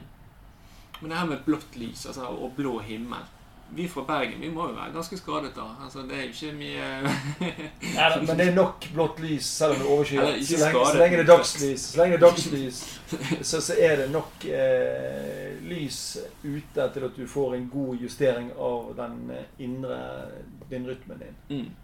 Så lenge du kommer deg ut. Men Ja. det er klart, eh, begynner du på jobb klokken syv om morgenen, Mm. så kan du risikere at i hvert fall i vinterhalvåret, at det er Ja. mørkt når du kommer på jobb. Og hvis du da er tilstrekkelig lenge nok på jobb, så er det gjerne mørkt når du går fra jobb igjen også. Og da får du gjerne ikke nok lys, altså. Mm. Da, Og da har du lett å drifte til å bli mer og mer B-menneske. Og vi ser om vinteren så er det faktisk en del som sliter en del med innsomningsvansker fordi at døgnrytmen din er litt, blitt litt forsinket. Mm. Og da er det vanskelig å sovne når du ønsker. Ja, ok. Eller vanskeligere. Ja. Ja, det er kanskje litt verre for de som er oppe i Nord-Norge, da? Eller med mørketid og Ja, det er ikke så store forskjeller mellom, mellom eh, Sør-Norge og Nord-Norge, men man, vi har gjort noen studier som har, der vi har sett at eh, man har mer søvnproblemer faktisk om vinteren enn om sommeren i Nord-Norge. Oh, ja, ok. Selv, om- man tror at det er motsatt. Ja. Det er så glad når det endelig er lyst ute, at de sitter våken hele natten. Ja, så får du i hvert fall justert døgnrytmen. Får du i hvert fall nok lys om, om formiddagen. Mm. Og det er det viktigste. Mm. Og så er det jo sånn at eh, Jeg har jo vært på jobb midt på natten, og så har jeg vært ute på en utrykning, og så sliter jeg med å sove. Og her, Vi har jo vært inne på det her med litt sånn her eh, stress og sånn som det. Hva er det jeg kan gjøre for at jeg får sove? For jeg har jo lyst til å sove etter jeg har vært på utrykning. Jeg har lyst til å gå rett og legge meg igjen og ha altså, Det kan jo egentlig bare være at vi har fått den alarmen, og så får ikke sove ordentlig igjen. Altså, hvorfor skjer dette her? Da er hjernen koblet på. Enkelt og greit. Da er, du, da er du aktivert. og Da må du lære deg å koble om. Ja, og hvordan gjør det, da? Nei, det, det er lettere sagt enn gjort. Um, noen er flinkere på det fra naturens side. Mm. At de rett og slett bare er De går ut av situasjonen, så er de ferdig med situasjonen. Altså Det handler vel egentlig mer om kanskje å være til stede der man er. Mm. Altså oppmerksomhet. Eh, Er man oppmerksom i situasjonen, så kan man gjerne også kanskje lettere være oppmerksom når man går av situasjonen. Men for de fleste er det lettere å koble på enn å koble av. Mm. Eh, Så du kan gjerne skille mellom altså det, Noen vil jo anbefale avspenningsteknikker. Mm. Ja, hvordan da? Nei, F.eks. avspenning, fokus på muskler, fokus på pusten. Altså det vi kaller for progressiv avspenning. har vært en, en god teknikk som har vært anbefalt. Det å det si at man eh, jobber med ulike muskler i kroppen, strammer en og en muskel, for så å slappe av. Det handler om å lære, lære hjernen at nå er, det, nå er det lov å slappe av. Og ved at man slapper av i muskulaturen, så vil man da automatisk koble av igjen. Eh, andre går motsatt vei og sier at det er bedre å kanskje være mer mindful. Trene Mm. seg opp til å være oppmerksom. Og det å være mindful er jo egentlig det motsatte å være avspent. For da er du påkoblet. Mm. Men når man er påkoblet, så blir man også påkoblet i det å være av. Mm. Hvis du skjønner hva jeg mener? At du er påkoblet når du er på jobb, men når du er av jobb, så er du påkoblet på fritiden. Så det er, det er to teknikker som har vist seg å være effektive. Ja. Men eh, det trengs jo gjerne litt tid for å, for å trene det opp. sant? Ja, Det tror jeg mange i brannvesenet kanskje kunne hatt litt hjelp med. For jeg merker jo selv at folk er litt sånn Det er akkurat som, eh, som jeg har vært litt inne på, det, at de er litt sånn bakfulle nesten. Litt sånn groggy fordi de ikke får den der eh, eh, dype søvn etter det, eller eh, rem-søvn, eller eller hans søvnstadie. Jeg har ikke helt oversikten på alle de. Eh, Så Men eh, Men det er jo det å lære seg et ritual som gjør at du kobler av. Eller Mm. kobler om. Jeg syns jo kanskje det er bedre med begrepet å koble om, for det er det viktigste. mm, Men for noen kan det å koble av være det samme som å koble om. Mm. Og det, hvordan vi restituerer oss eller kobler om, det er litt, varierer litt fra person til person. Så jeg tror det handler litt om at du må finne ut av hva er det som gjør at du kobler om Mm. etter at du har vært på jobb. Hva er det som gjør at eh, du kan slå av hjernen din? For noen kan det være å ta seg en varm dusj. For noen kan det være å lese en bok. For noen kan det være å prate med noen. For noen kan det være bare stillhet. Men utfordringen er jo det at etter en kveldsvakt, i hvert fall hvis du skal på jobb en dagen etterpå, så bør den omkoblingen skje relativt raskt. mm. Jeg vet ikke om Jeg har gjort noen studier på mindfulness i helsesektoren. Det har jeg egentlig ikke sett. Eh, Men jeg vil jo tro at det vil være en veldig effektiv teknikk. Fordi at det fungerer ganske kjapt. Sant? Hvis man blir, lærer seg, trener seg opp til å bli mindful, Mm. så vil man også kunne dra nytte av det i alle andre situasjoner i livet også. Ja, absolutt. Jeg har jo slitt med å sove, og så ligger jeg der så lenge. Mm. Jeg bare ligger der og later som jeg sover, og ender opp med å ikke klare å sove. sant? Altså, hva eh, vil dere anbefale at jeg istedenfor å ligge her lenge og ikke klare å og så, og for eksempel bare gå ut og gjøre noe, altså gå vekk fra rommet? Er det noe, eller? Ja, men anbefaler normalt ikke at du ligger eh, våken lenge i sengen. Mm. Hvis du kjenner at du ikke får sove, så pleier vi som regel bare å anbefale folk å gå opp og eh, gjøre noe avslappende. Ja. Helst ikke begynne å jobbe og vaske ned huset og sånne ting. Eh, som, noen, som, har funnet på, da, kanskje. Eh, men mer eh, ja, ikke eksponere for lys. Sitte i en stol, slappe av. Eh, og så når du kjenner at du blir søvnig, så kan du gå inn og så sove. Prøv å sove i sengen din. Jeg merker jeg er bare sånn skikkelig sta, så jeg skal sove. Sant? Jeg skal sove Jeg nekter meg. Ne Men, men, det, nekter å men, det, jobbe. men det er også sånn eh, litt sånn paradoksalt, fordi at eh, eh, noen ting du De fleste ting i verden de eh, gjør du bedre når du anstrenger deg, Mm. Eh, men ikke søvn. For Fordi det er en sånn automatisert atferd. Eh, så hvis du prøver å anstrenge deg for å sove, så blir det vanskeligere. Det er det samme som sånne andre overautomatiserte atferder, sånn som å gå beint på gaten. Du tenker aldri på det når du gjør det. Men hvis du begynner å tenke på 'nå skal jeg gå beint', Mm. så får du problemer med en gang. Ja. Eh, sammen med søvn. Eh? Hvis du begynner å fokusere på det Nå skal jeg sove. Begynner å tenke på det at eh, Og da blir det fort en sånn prestasjonsgreie, det å skulle sove. Mm. Eh, og i forhold til overautomatiserte atferder, så er det lite gunstig å, å bruke tankekraft på det. Ja. For da vil det ofte bare forstyrre prosessen mer enn det vil gagne prosessen. Ja. ja. Men det er jo faktisk eh, noe jeg bør jobbe med, rett og slett. Så det er jo bra at det Så ikke tenk på det, bare så. Ja, det er lettere sagt enn jeg, gjort. altså, spør du en pasient som har problemer med søvn, hva gjør du for å sove? Så kan jeg liste opp en haug med ting de gjør. Altså, Da kan de sitte og snakke med deg en time om alle mulige ting de gjør for å sove. Spør du en person som aldri har hatt et søvnproblem, hva gjør du for å sove, så bare, de skjønner omtrent ikke spørsmålet. Jeg gjør ingenting. De bare sover. Gjør ingenting. Men det å da flytte Det- fokuset ja. vekk fra for eksempel, vekk fra å sove, og heller flytte fokus på, Ja. pust, på pusten eller på avspenning, Mm. det er jo Ja. det som gjør at den Ja. type teknikker kan ha effekt. Mm. Og jeg tror det liksom Jeg husker i begynnelsen, da jeg jobbet eh, mine første vakter, så var jeg litt sånn skikkelig sånn her Å, hva skjer hvis eh, det går en alarm? Hva skal jeg gjøre? Hvor er det liksom klart å eh, legge fram eh, underbekledningen? Mm. Og alt var liksom klart at med en gang jeg skal opp og på natten, så har jeg alt klart og kan kle på meg og løpe som bare det. Jeg føler liksom ikke at det er så Eller jeg vet ikke. Hva er Jeg tenker at I forhold til søvn så er det to ting som kan påvirke den negativt i forhold til den type jobb du beskriver. Det ene er forventningen om at det skal skje noe eh, dramatisk eller eh, ubehagelig eller krevende. mm.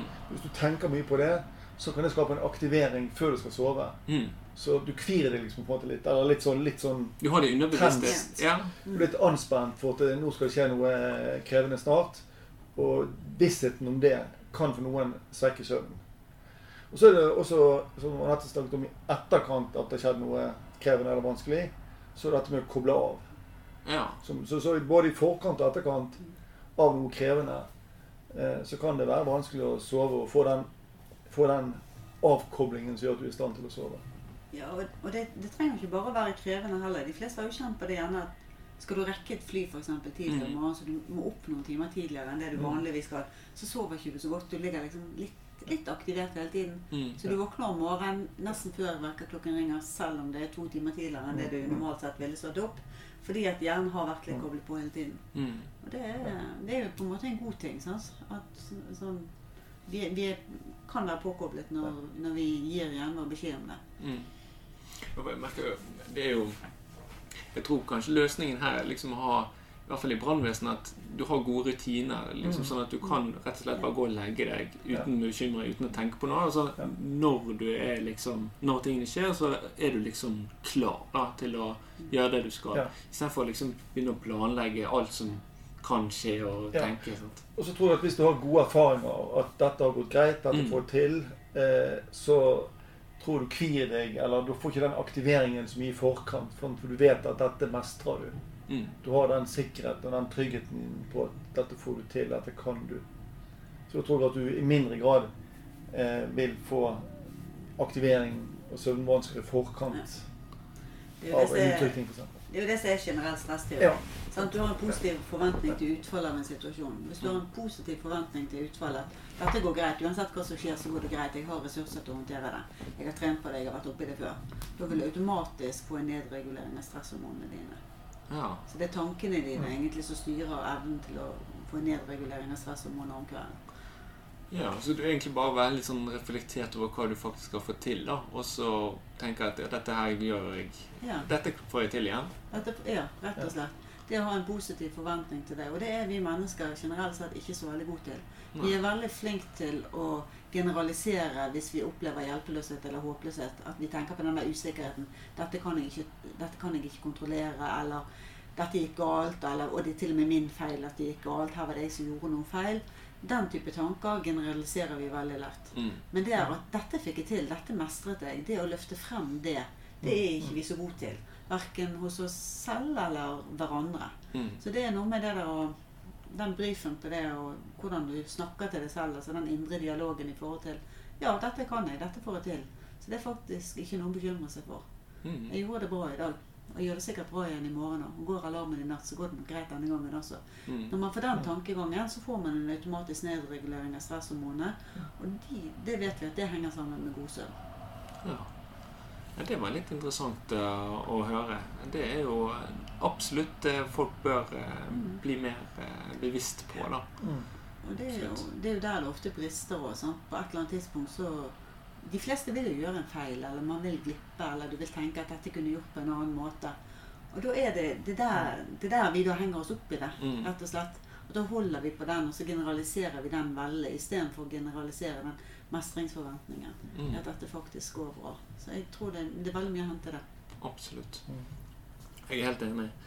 Um, ja, det, det er litt sånn her Du tenker at uh, du, Jeg må jo si at jeg har jo gjort feil, og det er liksom du tenker på det og det henger litt igjen. For du har, det er litt sånn machokultur da, i Mm. brannyrket. Du skal ikke vise en slags svakhet. Sant? Og da blir det litt sånn åh, Den gangen jeg viste den feil der, så mistet jeg litt ansikt, da, kanskje. Mm. Eh, Men det, det er jo faktisk usunt, den machokulturen eh, i forhold til det, da. Ja da, definitivt. Det er jo mye bedre å tippe at alle som jobber i brannvesenet etter å ha jobbet her en stund, har gjort noen feil. Mm. Sånn at du heller være åpen på det og kunne heller støtte hverandre på at ok, dette, dette, dette kommer alle. Mm. Det tror jeg vil være mye bedre kultur enn, eh, enn å bare benekte det og være sånn kunstig supermestrende. Ja. Sånn som ikke er reelt.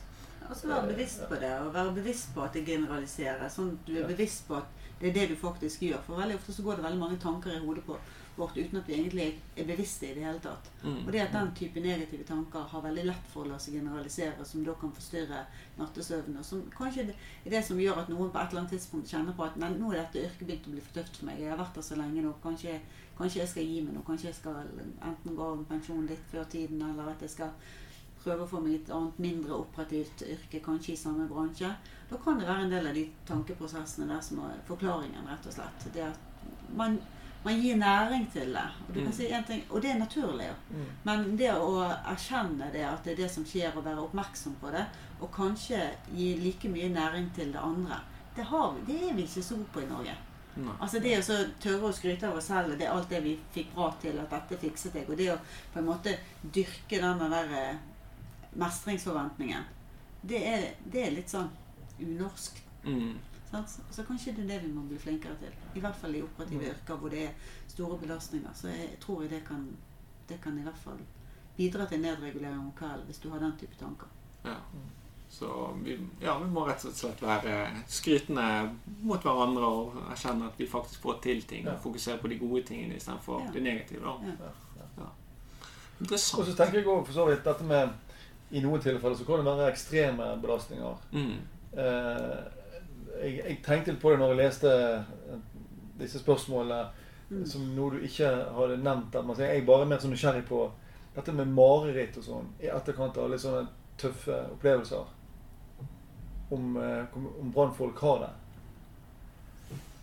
Eh, og i hvilken grad man liksom Mm. eh, jobber med det eller snakker om sånne ting. Det er faktisk et veldig jeg har aldri, Da jeg lagde episoden, så tenkte jeg aldri at jeg skulle begynne å snakke om mareritt. Men det er jo faktisk veldig interessant, for folk har jo mareritt. Og jeg, altså jeg har jo Jeg har jo på en måte drømt at jeg har vært i, i uh, hendelser igjen. Ja. Eller tilnærming til hendelser som Ja. Altså på grunn av at jeg har vært inne i yrket. Ja. Uh, men jeg, jeg, jeg har aldri snakket om det. Nei. Det Det er er bare sånn det har spesielt. interessant å bare Mm. Altså, Jeg kom til å tenke på det sjøl, for jeg tenker at det er jo tøffe ting dere står oppi. Og Mm, noen ganger kan det være livstruende ting for dere egen del. mm, Sant? Og mareritt eh, kan jo av og til komme etter at man har opplevd potensielt livstruende hendelser. mm. Så jeg bare lurte litt sånn på og dette med sånn litt sånn posttraumatiske Ja. opplevelser, om, om, om det er noe som liksom dere har et bevisst forhold til i brannvesenet, eller om dere, om dere samtaler om det, eller om dere ja. Hvordan dere forholder dere til de tingene. Det, det, det er jeg litt nysgjerrig på når jeg bare leste disse spørsmålene dine. For du, du, du nevnte ikke det spesifikt. Jeg tenkte ja, det var Jeg tenker sånn på dette med drømmer og mareritt og litt sånne ting. Også, Ja, som av og til kan oppstå i etterkant av litt sånn tøffe opplevelser. ja, altså jeg kan jo på en måte ikke snakke for Nei, veldig mange. jeg. Jeg er liksom ikke talsperson for brannvesenet, men jeg tenker jo at eh, det er jo garantert folk som har opplevd ting, og, Ja. og garantert fått mareritt om det. Ja. Eh, det jeg kan si, det er jo det at jeg har jo opplevd eh, hendelser men en, som har vært på en måte spesielle, men jeg føler at jeg har vært skånet til, Mm. til sammenlignet mot, mot det verste. Altså, det er jo noen som har måttet gi seg og og sånn som det der. Så eh, jeg kan på en måte ikke si at, sitte her og si at jeg eh, har opplevd det verste og fått mareritt av det. Eh, men det er jo absolutt interessant å se om, eh, om folk får det. Ja, Og det, er jeg mener jo at vi bør jo være åpne om at vi faktisk sliter. Og marit. mareritt, ikke det er et problem da? Eller Jo da, hvis det er hyppig og plagsomt, så er det klart at det er et problem. Og så er jo det relativt enkle teknikker man kan bruke for å bearbeide det. òg. Mm. Og den, den mest brukte teknikken er å skrive om marerittet. Hvis det er et gjentagende mareritt du har, så kan du skrive det om. Eh, der du da starter du si, omskrivingen i forhold til hvordan Marit vanligvis starter. Mm. Og så endrer du det sånn at du får en mer sånn positiv, tar en mer positiv vending.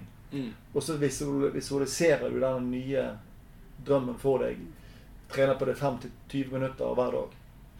Da har undersøkelser vist at en sånn enkel teknikk, omskriving og visualisering av den nye drømmen, kan hjelpe på å få ned frekvensen av mareritt. Og det kan også bidra til at disse her seinskadene av den hendelsen blir påvirket. Ja, det er en måte å bearbeide det på. Ja. Særlig hvis det er mareritt. Men andre kan jo ha andre typer sånne posttraumatiske reaksjoner enn bare mareritt. Ja. Mareritt er jo ett eksempel på det, men det kan jo være folk som eh, Altså gjenopplevelse av det man har opplevd, Mm. er en sånn typisk ting som eh, kjennetegner dette med posttraumatisk stress. Mm. Skaper rett og slett nye minner Ja. ved å visualisere dem. sant? ja. Ja. Eh, men så er det en del som også begynner å unngå ting som de assosierer med hendelsen. Mm. Og så er det da er dette med å være litt sånn mer skvetten generelt. ja. Eh, det er sånn tegn på posttraumatisk stress. Men, eh, men som sagt, vi vet ikke hvor, hvor hyppig dette er i, eh, Nei, i jeg, eh, yrket ditt. jeg har eh, faktisk, jeg har faktisk ingen oversikt. Så Nei, det er litt sånn, men det, det, det er absolutt interessant. Så um, kanskje en framtidig episode. Så Ja. Vi går inn på det. Skulle gjort en liten spørreundersøkelse. Ja, rett og slett. Mm. og eh, intervjuet noen, eller ja, spurt Ja. hvor mye hva, Ja, ja er frekvensen ut av det? Mm. Nå er det 30 år siden jeg hospiterte på Bergen brannvesen.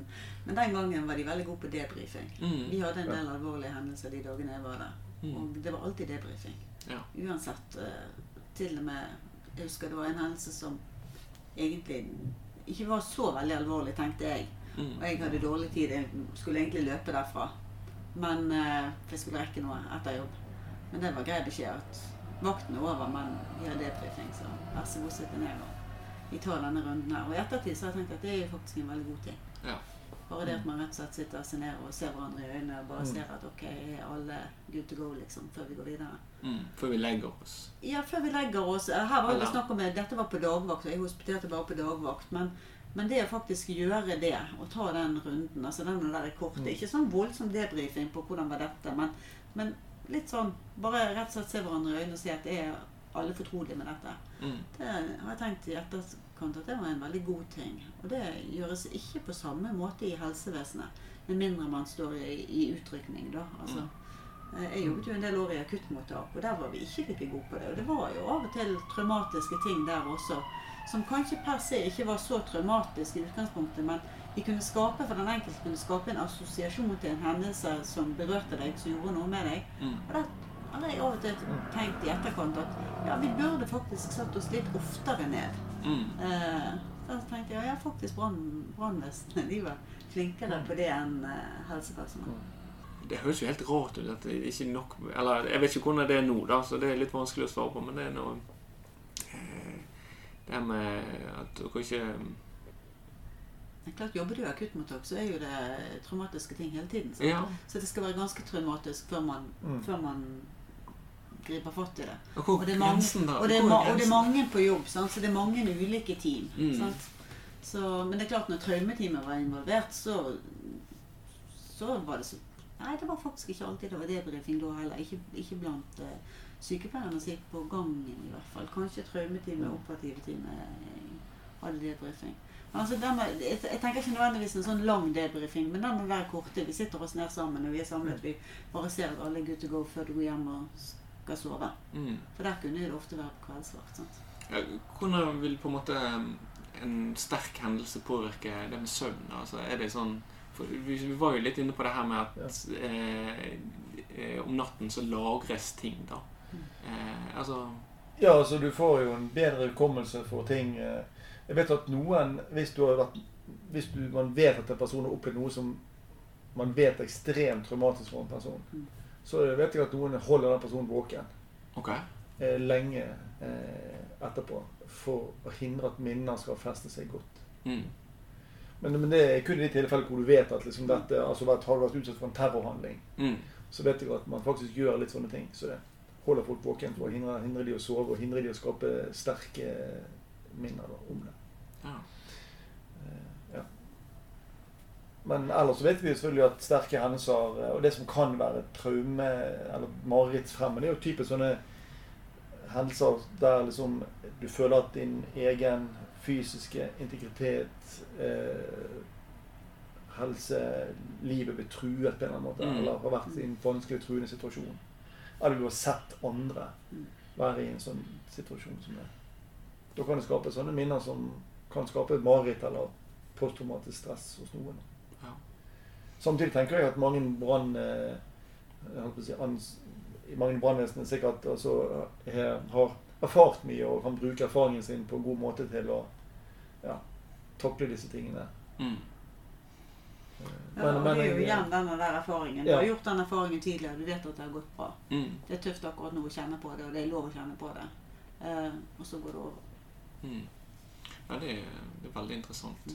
Vi må jo på en måte Jeg tror erfaringsdeling der, og de som har på en måte vært gjennom veldig mye eh, Mm. Bare ta på en måte en ordentlig eh, oppfølging av de som er helt nye i dette, sånn at de kan Mm. eh, lære av deres erfaringer, Mm. rett og slett. Og spesielt også med søvn. Hvorfor er det sånn? Hvorfor, er det, hvorfor skjer dette? Så det tror jeg kan være lurt. Hva med det her med mat, da? Altså det jeg vet at noen sier, det er litt forskjellige Jeg så en sånn review-artikkel eh, som gikk gjennom alle typer anbefalinger som gjaldt eh, ernæring for skiftarbeidere. Og det var veldig mange forskjellige, til dels motstridende anbefalinger der ute og gikk. da. Ja. Men det jeg vet at noen anbefaler, hvis du kan unngå det, ikke spis mellom klokken 24 og 6. Fordi at eh, du får mer sånn en ja, uheldig reaksjon fra kroppen på matinntak Mm. i det tidsvinduet der. Og klart, Har du tung, krevende fysisk jobb, så må du kanskje spise likevel. Mm. Og så er det noen som anbefaler å spise en liten frokost før du går og legger deg etter nattevakt. Fordi at sult kan forstyrre søvnen. Så hvis du ikke har spist mange timer, og så går du rett igjen på nattevakt uten å spise, så kan det være at det forkorter søvnen litt. Så å spise frokost eh, etter nattevakt rett før du går og legger deg, eh, det ser jeg at en del anbefaler.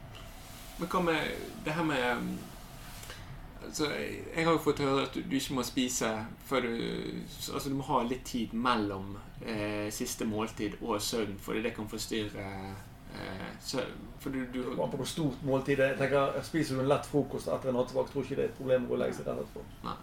Men hva med, hva med mat? Vi, vi snakket litt her med koffein også. Altså, det er jo noe mat som vi ikke vet inneholder koffein.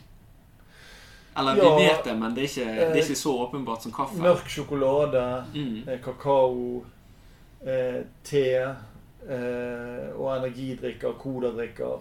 Cola og Pepsi Max. Det inneholder mye. ja, ja, en del. Så. Ja. Så det bør man eh, på en måte unngå da, hvis man skal Jeg ville Legge ikke, på- jeg ville ikke drukke en uh, halv liter eh, Cola Zero rett før jeg skulle legge meg, nei. Nei. Ikke, ikke uh, skilt med tannbørsten heller. yes. Um, ehm, så hvis jeg skal spørre um, i, I Inception så har dere en drøm inni en drøm. Er det ekte? Nei, det. Så hvis vi skal oppsummere, hva er de beste rådene dere kan gi til, eh, for utrykningspersonell i forhold til søvn?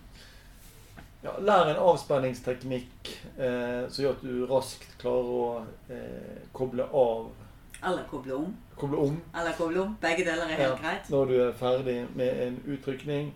Ha gode søvnvaner generelt. Eh, Legg deg så raskt som mulig etter en nattevakt. Ikke bruk tid på det. Ja. Generelt sett, være i god fysisk form. Det hjelper det også.